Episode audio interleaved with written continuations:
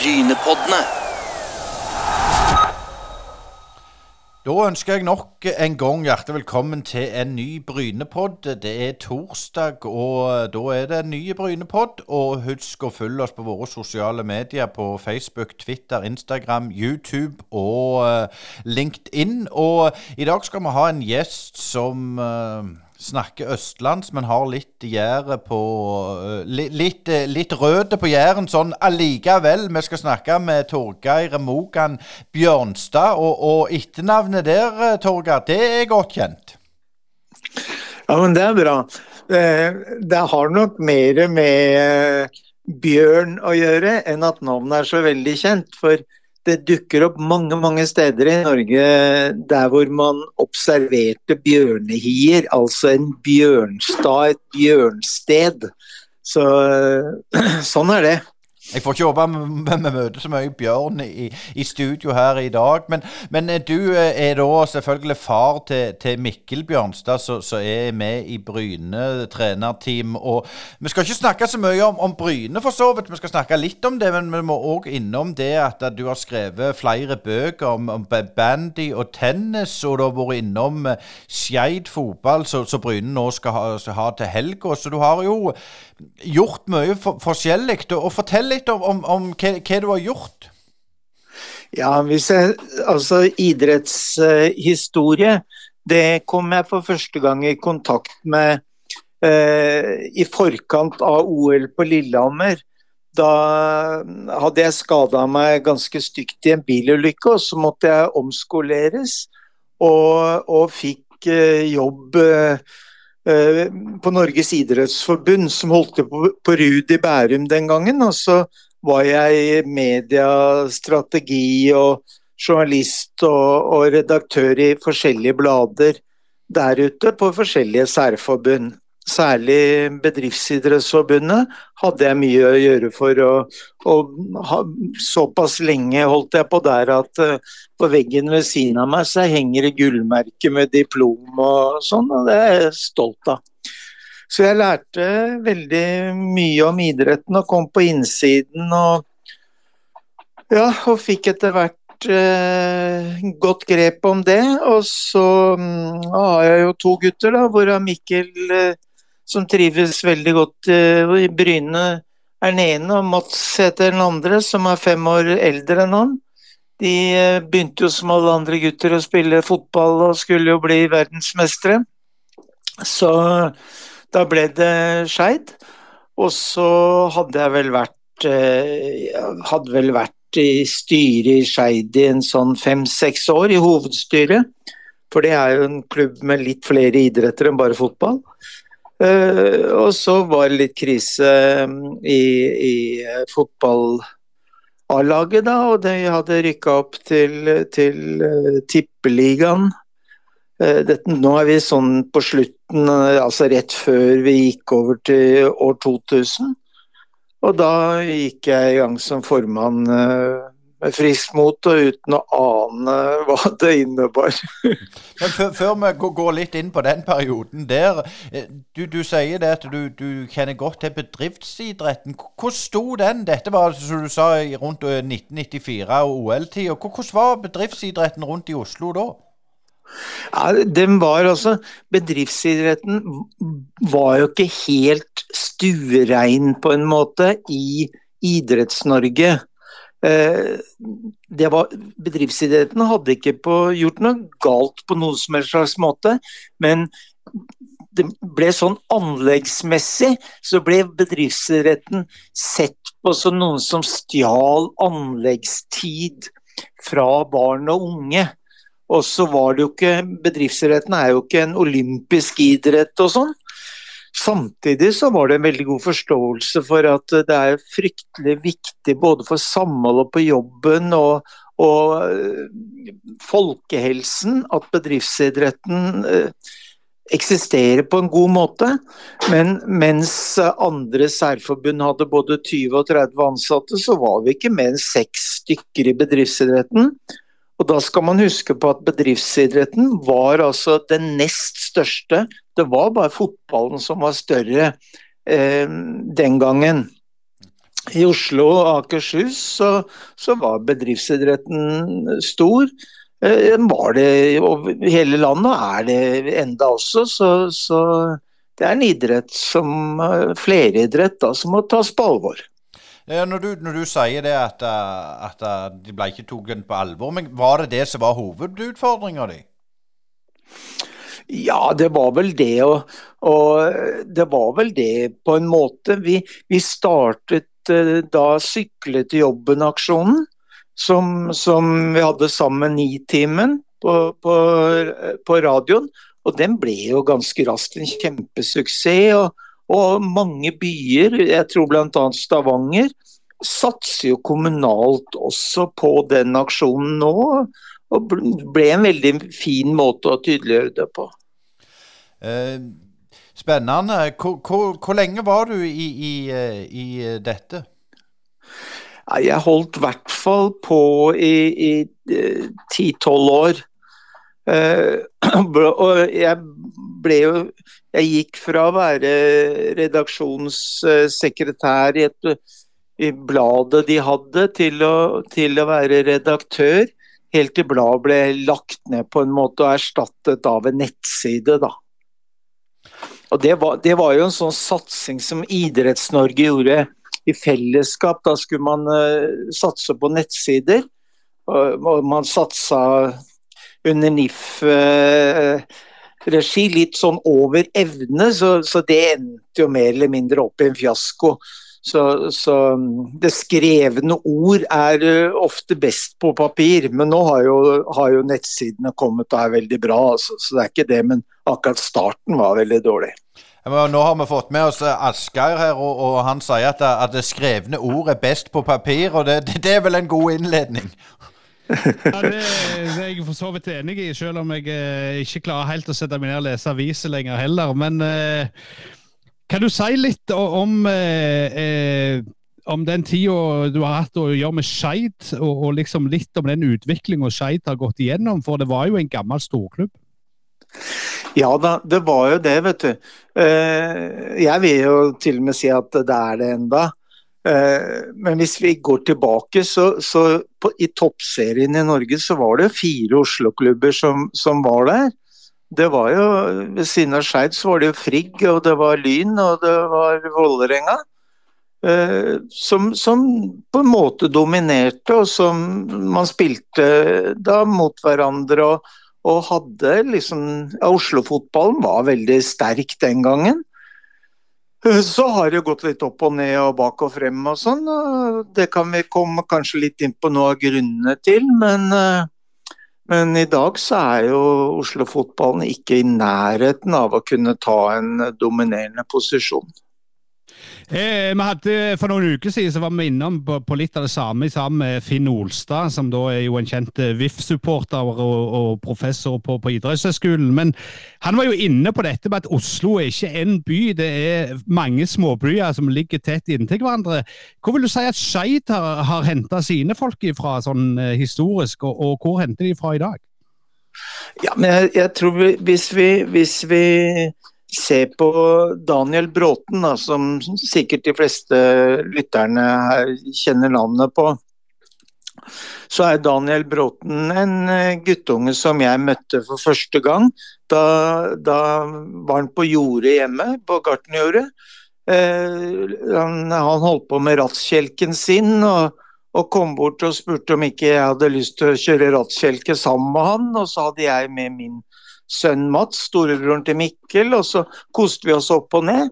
Og så etterpå så var det jo begynt på Velkommen til fotball, da, hvor du kan begynne når du er fem år. Og så gikk han alle, alle gradene. Eh, og så, sånn var det. altså Vi, vi rekrutterte fra Fugts gate, som er Torshov. Der Torshov Sport eh, ligger, og, og, og, veldig mye nært der. Men så har det jo endret seg nå.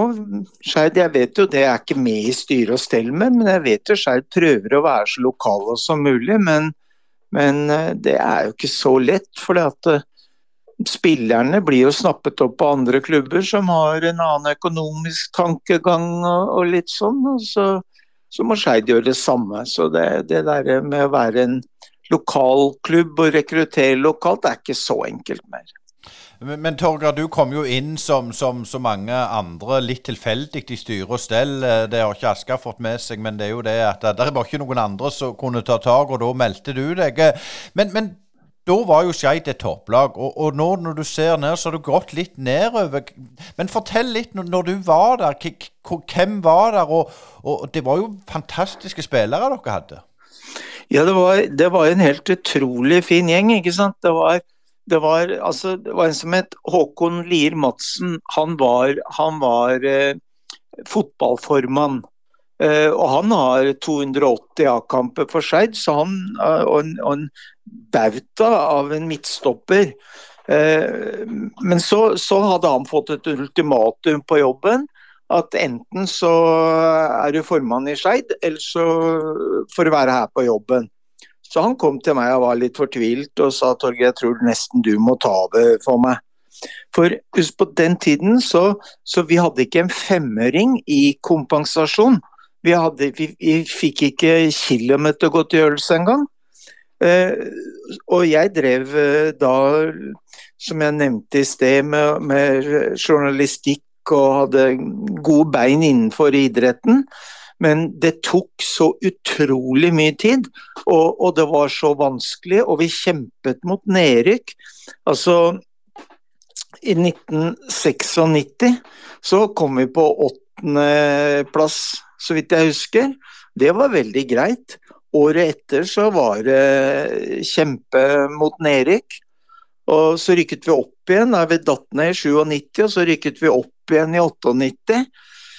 Eh, så det var liksom Jeg jobba så mye med det at, eh, at jeg nesten fikk eh, helt hakeslepp, altså. Så også hvis man skal si det, liksom, så er det, det er noen som har noen rike onkler. Og, og da liksom får de 20 millioner eller noe sånt dytta opp i hendene, og så kan man bruke det. Og så har jeg vært med så lenge nå at jeg ser hvordan det ødelegger en klubb og ødelegger moment og, og ødelegger eh, satsingen veldig ofte. Eh, så jeg tror nok det at den modellen som, som mange, mange eh, lag har, inkludert borte hos dere, hvor det sier liksom de Braut-pengene det, det, er ikke det man snur seg ikke rundt og liksom bare strør dem ut til noen spillere for å styrke laget, men man ser på klubben som en helhet. Jeg tror det er veldig riktig. Men der har jo Skeid eh, vært og har en stabil og god økonomi nå, men, men jeg sto jo med ryggen inntil veggen og lurte på hvordan jeg skulle få betalt regninger og sånn. Jeg ble jo innkalt til fylkesskattesjefen og fikk beskjed om at jeg kunne ikke late som at disse regningene ikke eksisterte. Da. Det var litt skattetrekk og moms og sånn, så det måtte gjøres opp. Men, men, tror du det har vært litt gjengs? Altså, du snakker om, om 90-tallet her, og, og, på tidlig 2000-tall. Da er det jo på en måte da pengene begynner å suse inn for alvor i norsk fotball. Eh, den der første bølga med mange nye spillere fra utlandet osv. Men, men hva tror du som gjør det at en har sånne klubber eh, som går så høyt ut og på død og liv skal bli en toppklubb, og så satser de, og så rakner det fullstendig. Altså, det er jo flust av eksempel på sånne, iallfall som har vært oppe i Obos-ligaen, som bare har fordufta ned i nivå fire-fem etter noen år. når, når satsing. Altså, er det, er, det, er det sånne lokale helter som skal, skal, sole seg i glansen, eller tror du det er noen andre ting som spiller inn her? Ja, hvis du ser på fotballens struktur, da, eller du kan nesten si hele idrettens struktur, så, så, så vil du se eh, ivrige foreldre når, når, spillerne liksom de, de, står der på gressmatta sammen med ungene sine på fem, seks, syv år, og så når ungene begynner å bli ti-elleve år, så står foreldrene veldig sånn på sidelinjen og roper ut 'nå må du gjøre det', 'nå må du gjøre det', og så ser jeg at ja, nå, min, min, sønn eller min datter er jo bedre enn de fleste her. og så blir de lagledere, og så kommer de kanskje inn i styret, og så har de én ambisjon, det er å dytte barna sine fremover. Det er liksom den ene delen av det, og den andre delen av det er jo mennesker som, som kanskje elsker klubben sin og har penger og skal døtte det fram. Det er jo idretten. Dessverre så er det sånn. Og da, hvis en klubb ikke har en knallgod struktur og har en handlingsplan langsiktig som de jobber etter, så blir det altfor lett å ta imot penger. Og så kjøper man seg til, og så glemmer man frivilligheten og glemmer engasjementet. Og så håper man at, og tror at dette skal gå, så, så går det på snøret. Men tenk deg det, Torgeir. Skeid har jo fostra mange gode spillere. Nå glemmer jeg noe, men du har Dagfinn, Enerlyd, Morten Berre, Daniel Fredda Holm. Eh, det kunne sikkert eh, Tore Anmas. Men, men, i de senere åra så har det ikke de kommet så mye. Er det Vålerenga som tok det, og, og, tror du det er pga. pengene at, at de snapper de opp tidligere? Altså, det tror jeg det har blitt en form for realisme rundt det. fordi at eh, alle, altså alle, skjønner at Vålerenga er en type klubb som forsterker seg fra toppen hele tiden. Og Det betyr at går du dit og tror at du skal inn på A-laget, så, så, vil den posisjonen som du trodde du skulle få på A-laget, ofte fylles av en spiller som kjøpes inn. Men vi har nok vært mer utsatt fra type klubber eh, som, som eh, Koffa, Grorud, den type klubber. Ulsaker, Kisa kanskje, og litt sånt noe, da. Så, så det er Det er på en måte altså Det er klubber som er i stand til å tilby penger, og det Skeid har liksom ikke vært noe ledende på det området. Og derfor har Skeid også en sånn ja, på en måte sånn gentleman's agreement med spillerne sine at uh, hvis du vil gå, så, så, legger vi ikke hindringer i veien for det. Men, men litt tilbake til, til dette strukturen i, i Oslo-fotballen. Du, du, nevner jo eh, Koffa og du nevner Grorud, som er relativt nye inne i inn i den delen av Fotball-Norge. Før som du sier, så var det fire andre lag, to vest og, og to sånn øst eh, av elva. Eh, men hva tror du altså Hvordan har det prega si, Oslo-fotballen? At det plutselig er det disse nykommerne? Nå er dere vitterlig seks-sju klubber, hvis du tar med Stabæk, som, som kan tilby team, og som har mer penger. altså er det vanskelig å samle, eller er det sånn lokale gründere som, som trør i gang sånn prosjekt? Jeg vet Grorud er, er jo mye hardt arbeid, iallfall tidligere har det vært det. Men, men, altså Er det vanskelig å drive i samme retning i Oslo? Vanskeligere enn andre plasser, tror du? Ja, du kan si at det, Oslo har jo, eh, sånn som jeg ser det, da uh, Og det her er jo min politiske holdning. Men jeg, jeg, mener at Oslo drives nå etter en ideologisk modell som er en fallitterklæring. Det betyr at eh, bystyret i Oslo har ikke tillit til at eh, noen private kan få til noe på anleggssiden. Eh, de skal ordne og fikse alt selv. De skal bekoste alt selv, og de skal vedlikeholde alt selv. Og med den tankegangen så kommer du aldri videre, slik jeg opplever det. Jeg kan si et par eksempler. Altså, det eksempelet jeg, jeg kjenner best til, det er jo Skeid som har Obos på laget. Og Obos sier la oss rive det gamle klubbhuset. La oss eh, bygge ja, sånn som dere har tenkt på Bryne, tror jeg. Bygge leiligheter i tre eller fire blokker der oppe. Så skal Skeid få halvparten av uh, overskuddet av det. Da hadde vi hatt penger til å lage et helt nytt Nordre Åsen. Eh, og når jeg sier et helt nytt Nordre Åsen, så er ikke det fordi at vi nødvendigvis skal ha en bedre A-lagsbane, men det er rekrutteringen, spillerutviklingen, gleden, barna, unge hele veien oppover som styrker klubben. Men Oslo kommune sier nei, det får dere ikke lov til. For eh, det er Oslo kommunes ansvar å lage, eh, lage idrettsanlegg. Nå sist så leste jeg om Grorud det, der er det pærene på det lysanlegget må skiftes. Men pga. Oslo kommune har fått større kostnader nå på, på elektrisitet og, og sånn som alle andre, så har de ikke penger til å skifte de pærene. Da står Grorud der. Og da må de spille, de skal spille mot Mjøndalen nå. Det skulle vært en hjemmekamp, men den må de antagelig snu til en bortekamp. Så sånn er det. Og det er Oslo All idrett i Oslo sitt store problem. Anleggene er for få, de er for dårlige, og de er for små. Og før vi retter på det, så vil Oslo-fotballen ikke ha en sjanse til å komme opp. Det er ett lag som har en ålreit anleggssituasjon, og det er nettopp fordi at de hadde Raymond Johansen, altså bydelslederen i, nei, bylederen i Oslo, i sitt styre den gangen de fikk kjøpt grunnen som det anlegget ligger på, for en krone. Så de har en ålreit de, de har en ålreit anleggssituasjon. Jeg var og så på Bryne spilte mot Koffa nå. Det er, helt, det er en helt ny bane, men den er jo, skulle jo tro den var bygd i forrige århundre. Det er jo bare et lite møkkaanlegg. Det var nå en tirade. men, men, det er litt sånn interessant. Hvorfor tror du det er så, så gale? Og Gjelder det bare fotball, eller gjelder det andre idretter òg? Det gjelder alle idretter. Det gjelder alle idretter i Oslo som har dårlige baneforhold. Hvis du går og ser på Sagen idrettsforening, som er en, en, en gammelt, godt idrettslag. De har fått overta Voldsløkka, og der er de bygd ut.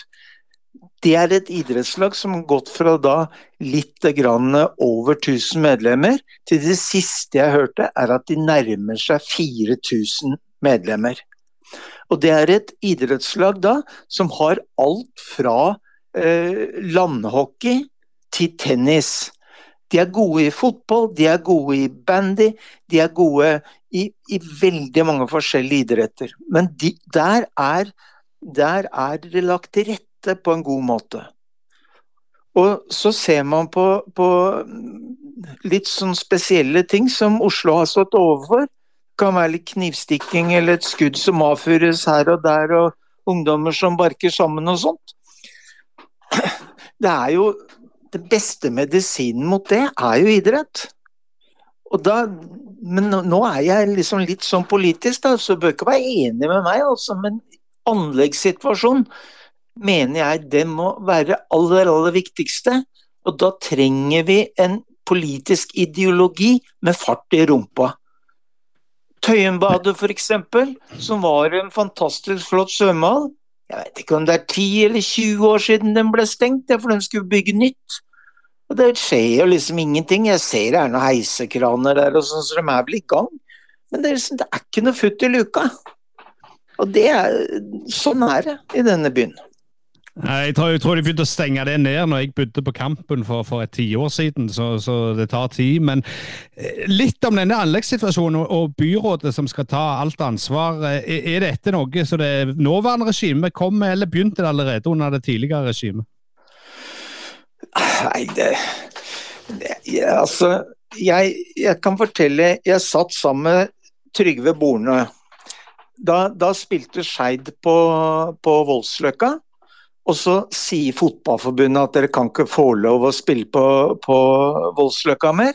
For det er, det er betongmur på, på, en av sidene i forhold til gressmatta. Og den er farlig hvis noen snubler. Vi kan ikke ha en betongmur som er, er 1,5 meter fra, fra sidelinja. Satt jeg på kontoret til Trygve Borne. Han var, den gangen så var han da eh, generalsekretær i Fotballforbundet. Og så, så, så, sa jeg hva skal vi gjøre med dette her, dere sier vi ikke kan spille der, og vi får ikke lov å spille på Nordre Åsen, hvor skal vi spille en da? Ja, men kan vi ikke gjøre en deal, sier han. Hvis du kan gå til byrådet, og så sier du til byrådet at um, hør her, um, Fotballforbundet trenger en, en, god treningsarena for damer og, og G19 og G17 og G19 og G21. Eh, fotballforbundet sa vi finansierer hele det der. Bare få tillatelse, du Torger, og det kan hete Skeidbanen hvis du vil det. Så skal vi finansiere, og så spiller dere der. Dere kan trene og spille kamper. Tror du det gikk gjennom? Nei. Men, men, dette her med, med anlegg og kravene som har kommet de siste årene det, det, er jo lag som, som rykker opp f.eks. til Obos som blir møtt med en vegg av krav, og så får de kanskje disp, og så klarer de å holde seg et år til, og så må de i gang med noen anlegg og, og må ut med millioner. og så rykker de ned igjen til posten noen år etterpå, f.eks. Det, det er jo ikke et ukjent eksempel. altså er det sånn at en begynner litt i feil ende, at vi tror vi er litt England der, enn at det kommer 45 000 på kampene? For jeg tviler på at både på, på Nordre Åsen det, det er ikke akkurat 70 eh, 000 hver kamp der heller. Nei, og det, det, men det som er, vet du, det, det, spørs nok om ikke det der er i ferd med å roe seg litt, altså. Det, det, var jo sånn Da jeg var formann igjen, da, så, så fikk vi fikk vi liksom beskjed om at Bislett eh, er kanskje ikke så bra å være på, dere bør flytte og spille kampene på Ullevål. Ja, hvorfor det? Jo, der er bedre fasiliteter for VIP-områder og sponsorer og osv. osv. Uh, for, for oss så, så, var det katastrofalt, fordi at uh, Ullevål er veldig stor måte, mens Bislett var en god del mindre og, følgelig enklere måte å, å, forsvare seg på. Uh, men det, da, det, var liksom sånne tulleting da, som ble lagt vekt på. Og det var også sånn at På de kampene så pleide vi å trekke 7000-8000 tilskuere. På Bislett så med 7000-8000 tilskuere så er det ganske fullt på Ullevål så er det jo bare, bare en fjert i havet, ikke sant. Så, så det, det, det, var ikke noe heldig løsning. Men jeg, vi har jo snakket med Jan Halvor Halvorsen, som sier det, han trener i Lyn, at anleggssituasjonen er jo kritisk. Men jeg tenkte vi kunne skifte litt tema for å få deg litt i, i bedre humør, Torgeir. Du, du, du, du, har jo skrevet bøker om både bandy og, og tennis. Og, og, fortell litt om, om, om den der skrivegleden du Når var det du, du, du, kjente på den? Altså, jeg kan si Det morsomme med det er jo det at eh, da, da jeg begynte på, på, folkeskolen, så hadde jeg sterk uh, dysleksi. Det er noe som vi vet uh, hva er i dag. Da visste vi ikke det. Men jeg husker jo at da vi fikk vår første bok, som var en sånn lesebok, så sto det utenpå den så sto det 'Eple har E'. Og så var det noen sånne tegninger og noe sånn inni. Jeg hadde ikke peiling på hva det sto. Jeg, jeg hørte dem sa at det sto 'eple har e', men jeg skjønte ikke at eple hadde to e-er i seg. For jeg klarte ikke å lese, for jeg hadde altså lese- og skrivevansker og dysleksi. Og da er det sånn at uh, enten så får du noen lærere som skjønner hva du er utsatt for, og hjelper deg litt med det, eller så, så, blir du veldig ofte klassens klovn. Uh, og det ble jeg, da. Uh, sånn at uh, det gikk ikke akkurat i hurtigtog fremover på skolen, men samtidig så syns vel folk jeg var morsomme. Og det, det, det, er liksom utgangspunktet. Og når jeg da ender opp nå i voksen alder, godt voksen alder, med å skrive bøker som får fremragende kritikker og anmeldelser. Og har skrevet det siste, siste bokverket nå, som er om de tre idrettene bandy, innebandy og landhockey, som er på 600 sider, eh, så er jeg jo veldig stolt. Og jeg er jo så stolt at jeg har jo sagt til gutta mine at den dagen jeg skal ned i pennalet, så vil jeg ha med meg et sett av de bøkene. Og det, det, For meg så er det liksom Jeg skulle gjerne eh, tilegnet de bøkene til eh, min, min første lærerinne, fru Torbjørnsen. Hvis hun hadde levd, så skulle hun se det blei folk av meg òg. Men jeg må skyte inn det du sa, innebandy og landhockey, er ikke det det samme? Det? Nei, landhockey Dette innebandy, det er, det er eh, plastikkøller i full fart inne i gymsalen. Eh, landhockey, det er, eh, det er en, en, kjempestor internasjonal idrett, men nesten ikke kjent i Norge. Eh, det er en olympisk idrett også. Ja, og Det spiller jo på store baner. og England og Holland og sånn pleier jo alltid å være OL i landhockey for oss som har sett litt for mye sport. Men kan du gå litt inn på bandyen? En gang så var jo bandy noe vi alle fikk resultater fra på Sportsrevyen. og og det var jo mange sånne som Odd Johnsen som spilte både fotball og bandy og overlappa vinter og sommer. Eh, men kan du si litt om standingen til bandyen i dag? Er det en litt sånn glemt sport som ingen husker på lenger? omtrent? Ja, det er jo det. Um, altså, det som er veldig vi, Når vi begynner med bandyen, vi går 100 år tilbake i tid, og så var det Norges Fotballforbund som lagde et utvalg som skulle drive med bandy. Den gangen så het det ishockey. Så det var ishockeyutvalget i, i Fotballforbundet som dro i gang bandy. Og hvorfor? Jo, bandy og fotball er veldig likt. Det er samme banemålene. Det er lek med ball. Det er pasningssikkerhet. Det er raske reaksjoner. Disse tingene er veldig viktige. Den gangen så var det ikke helårsanlegg. Slik at uh, fotball kunne man, i vår del av Norge i hvert fall, det er sikkert bedre på Jæren, men det kunne ikke spilles om vinteren. Da hadde man bandy som, som supplement. Uh, og derfor så kan du se at uh, mange, mange, store fotballklubber de hadde da bandy og fotball som sine to idretter. Typisk er Mjøndalen f.eks., Strømsgodset ja, Og så eh, hit rundt Oslo hvor nesten alle hadde det. Sånn at det supplerte hverandre. Men så skjedde det jo endringer. Eh, bandy som utvalg under fotballen ble til et eget forbund. Eh, senere så kom ishockey. Til å begynne med, som, som jeg sa, så het bandet det het ishockey. Senere kom ishockey til Norge.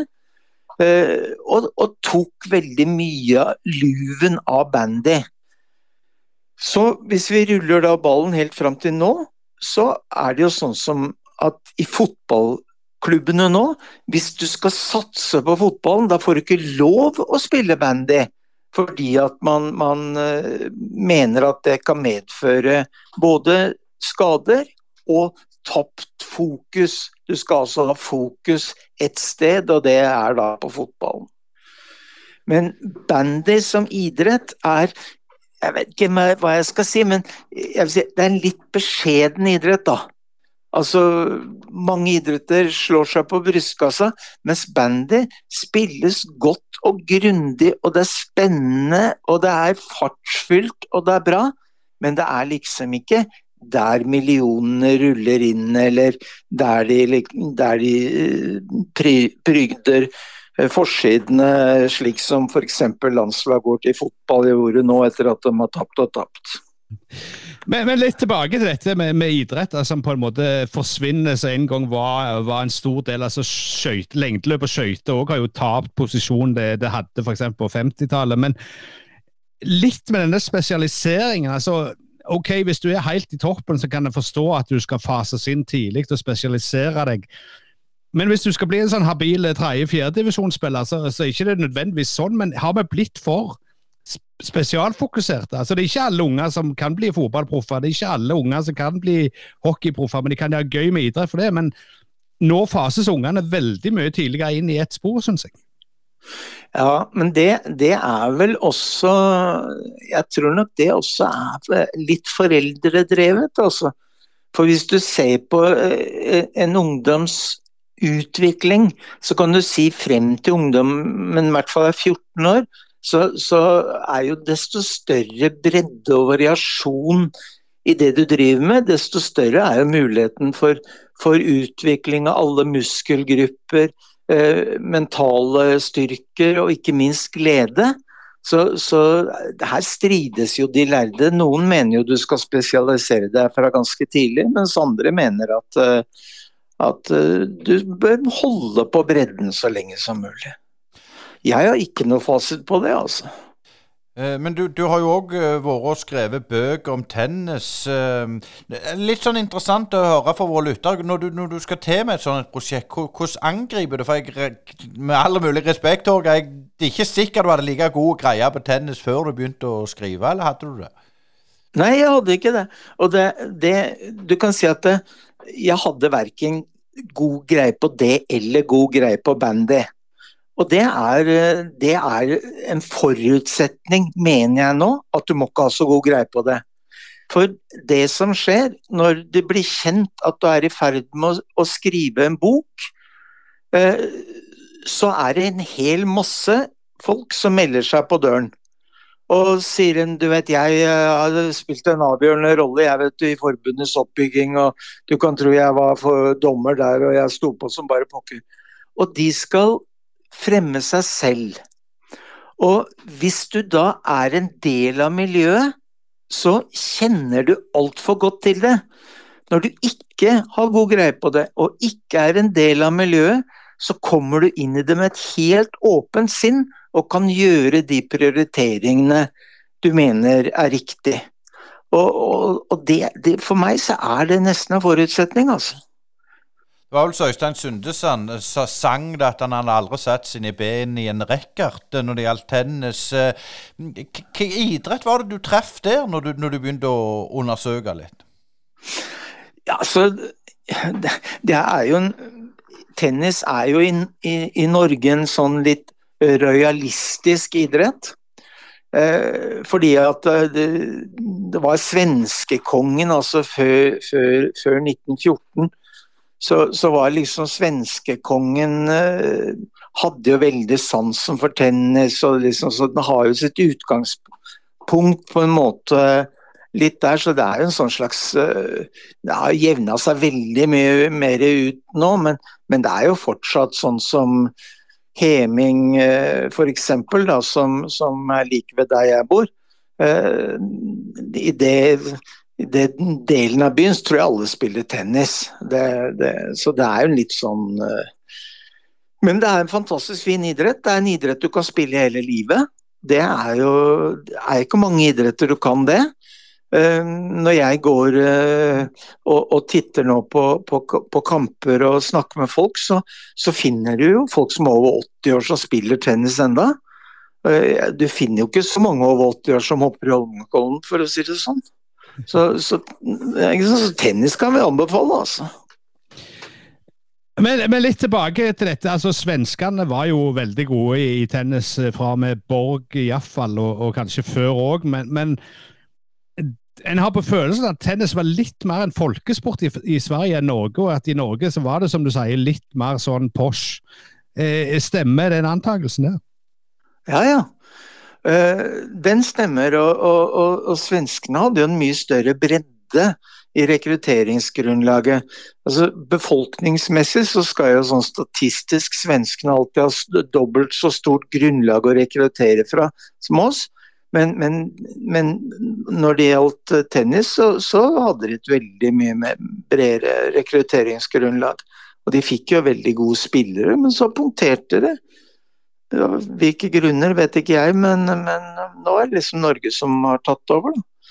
Men vi har jo en del gode spillere som kommer bak Kasper Ruud også. Men, men, litt om Kasper Ruud. Altså, det har det jo ikke skjedd i moderne tid. altså Finn Søhol holdt vel på på 50-tallet og var sånn halvhabile, men, men, altså i moderne tid har jo aldri Norge produsert noen stor tennisspill. Altså, når du sitter og ser på dette fra sidelinja, og det er kanskje litt inside òg, men altså det at Norge har en spiller som kommer til to Grand Slams-finaler på én sesong, det er jo nesten uhørt, er det ikke det? Jo, altså folk, folk er ikke, folk er, er ikke klar over uh, hvor stort tennis er. Altså, jeg bare Øyvind Sørvold som er, som er analytiker uh, i forbundet, og som har hjulpet uh, Kasper en hel masse. Han sa til meg at det er mellom to og tre millioner spillere i verden som satser målrettet på å bli best. Og da, altså To-tre millioner satser målrettet på å bli best, og så kan du da måle det opp mot uh, skihopp f.eks. uh, som det er en håndfull. Eh, eller kanskje to håndfuller, da. Men det er, altså, det er så, så, mye større enn det vi er klar over. Så store forskjeller. Eh, når vi tar dette opptaket her, Torgeir, så spiller Bryne mot eh, Tromsdalen i en cupkamp. Og, og på, på, søndag klokka to så er det Bryne-Skeid. Og vi må, jo, vi må, jo, litt innom det. Det blir jo en spesiell kamp for deg. Eh, litt hjerte i begge leirer der. Og, og, og hvis Bryne vinner, så, holder de seg, og det tror jo vi de gjør uansett. Men Skeid sliter jo litt, selv om de har fått disse pornopengene, så, så er vel 20-30 millioner. Men, men, vet du noe om Skeid, og, og hvordan det ligger an der? Ja, altså det For det første, da, så, så skal jeg til Bryne til helgen. Uh, være sammen med min sønn noen timer. Og så skal jeg kose meg på, på, på, stadion til Bryne, og jeg får sitte på vippen, og jeg har det kjempefint. Eh, akkurat som de andre stedene han har vært, nå sist f.eks. i, i Hødd, så møter jeg lokalmiljøer som er veldig hyggelige, veldig trivelige og, og veldig inkluderende. Helt annerledes enn hva du opplever i, i, i Oslo. Så jeg gleder meg til jeg skal til Bryne. Og så måtte det beste laget vinne, da. Jeg må på den kampen være helt nøytral. Eh, men kan du si du er inne på det for så vidt, men, men altså, du er jo vært med i Oslo-fotballen, og, og, Mikkel også kommer jo derifra. og Først reiste han til Ulsteinvik, og så etterpå til Bryne. Men, men hva vil du si største kulturforskjellene er mellom vestlandsklubbene og, og det du er vant med fra Oslo? Ja, det Ikke sant. Altså, dere er jo, dere, dere er jo uh, det eneste Altså, dere er jo det eneste laget på Bryne. Hvis dere konkurrerer med noen, så er det kanskje Sandnes eller det kan være Stavanger. Uh, så dere har jo en mye mer beskyttet posisjon. Uh, og så er dere mye tydeligere. Det dere, altså hele byen vet hva, hva, laget driver med, hva laget trenger og hva laget ser. Eh, da jeg, jeg kjørte fra Hødd, og så hadde jeg tenkt å kjøre helt ned til Kristiansand. Eh, og da kommer du til sånne småsteder, og du skal med ferger og sånn. Eh, og så rekker du ikke akkurat den fergen, eller er fire timer til neste ferge, eller sånn så, så ser du lokale steder, småplasser, med flotte idrettsanlegg. Det ser du ikke i Oslo, altså. Og det er det som er den store forskjellen. At når, når de i Vennesla, som er, eh, som er et lite sted nord for, for Kristiansand, når, når idrettshallen der raste sammen pga. for mye snø på taket, så var det ikke noe sånn 'dette må vi utrede', og 'dette må vi finne ut av', og 'dette må vi eh, se om vi kan plassere skylden', og vi må se hvordan vi kan få finansiert'. Det var ikke noe sånt i det hele tatt. Hvor fort kan vi få på plass nytt tak? Det var det de snakka om. Og sånn innstilling finner du ikke i Oslo. Dessverre, dessverre. Jeg sier Det er godt at olja ligger på denne sida av, landet, så ikke det, dere skal administrere den i hell. Men eh, nok om det. men, men, jeg er litt innom det med Skeid. For det er klart, Skeid ligger jo på en, en utsatt uh, plass nå. Uh, de kan komme på den kvalikplassen. Men, men tror du de klarer det? De òg har jo forsterka seg, så, så, andre lag der båndene har gjort. Ja, de tre siste kampene har Skeid spilt veldig bra. Så, så, jeg tror de klarer det. Og det Jeg tror ikke dere skal være så sikre på Bryne-seier eh, til søndag heller. Skeid har, de, de, har vokst med oppgavene, og det er et godt lag, altså. Så vi får se. Jeg går jo for at Skeid kommer på kvalikplass, og at de fikser det på en grei måte. Men, men litt eh, tilbake til dette med Skeid. Altså, allikevel, det, det, er jo ikke en klubb så, som eh, har på en måte eh, tatt ut alt de har i banken for å berge plassene. Er det en bevisst policy det fra, fra, fra lagets side? At de ikke skal liksom på død og liv berge plassen heller? Nei, Det er en helt bevisst policy, så vidt jeg har forstått. Jeg sitter jo ikke i styret nå, men, men hvis du ser på Skeid som idrettslag, så hva er det viktigste for et idrettslag som Skeid? det er å ta vare på barn og unge i den bydelen i Oslo. Eh, og det er en eh, bydel eh, kanskje med 20 000-30 000 mennesker, så det er som en norsk by. Men, men Skeids eh, viktige ting er jo å sørge for gode oppvekstvilkår, sørge for at barn og unge føler mestring, at de får gode venner, at de får noe å glede seg til, noe til å gå til. Utvikle kroppen og hjernen og, og, og hele det.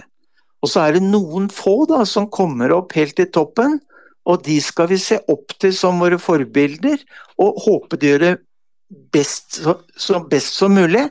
Men det aller, aller viktigste er de der eh, flere tusen som, som trener i løpet av, av en uke.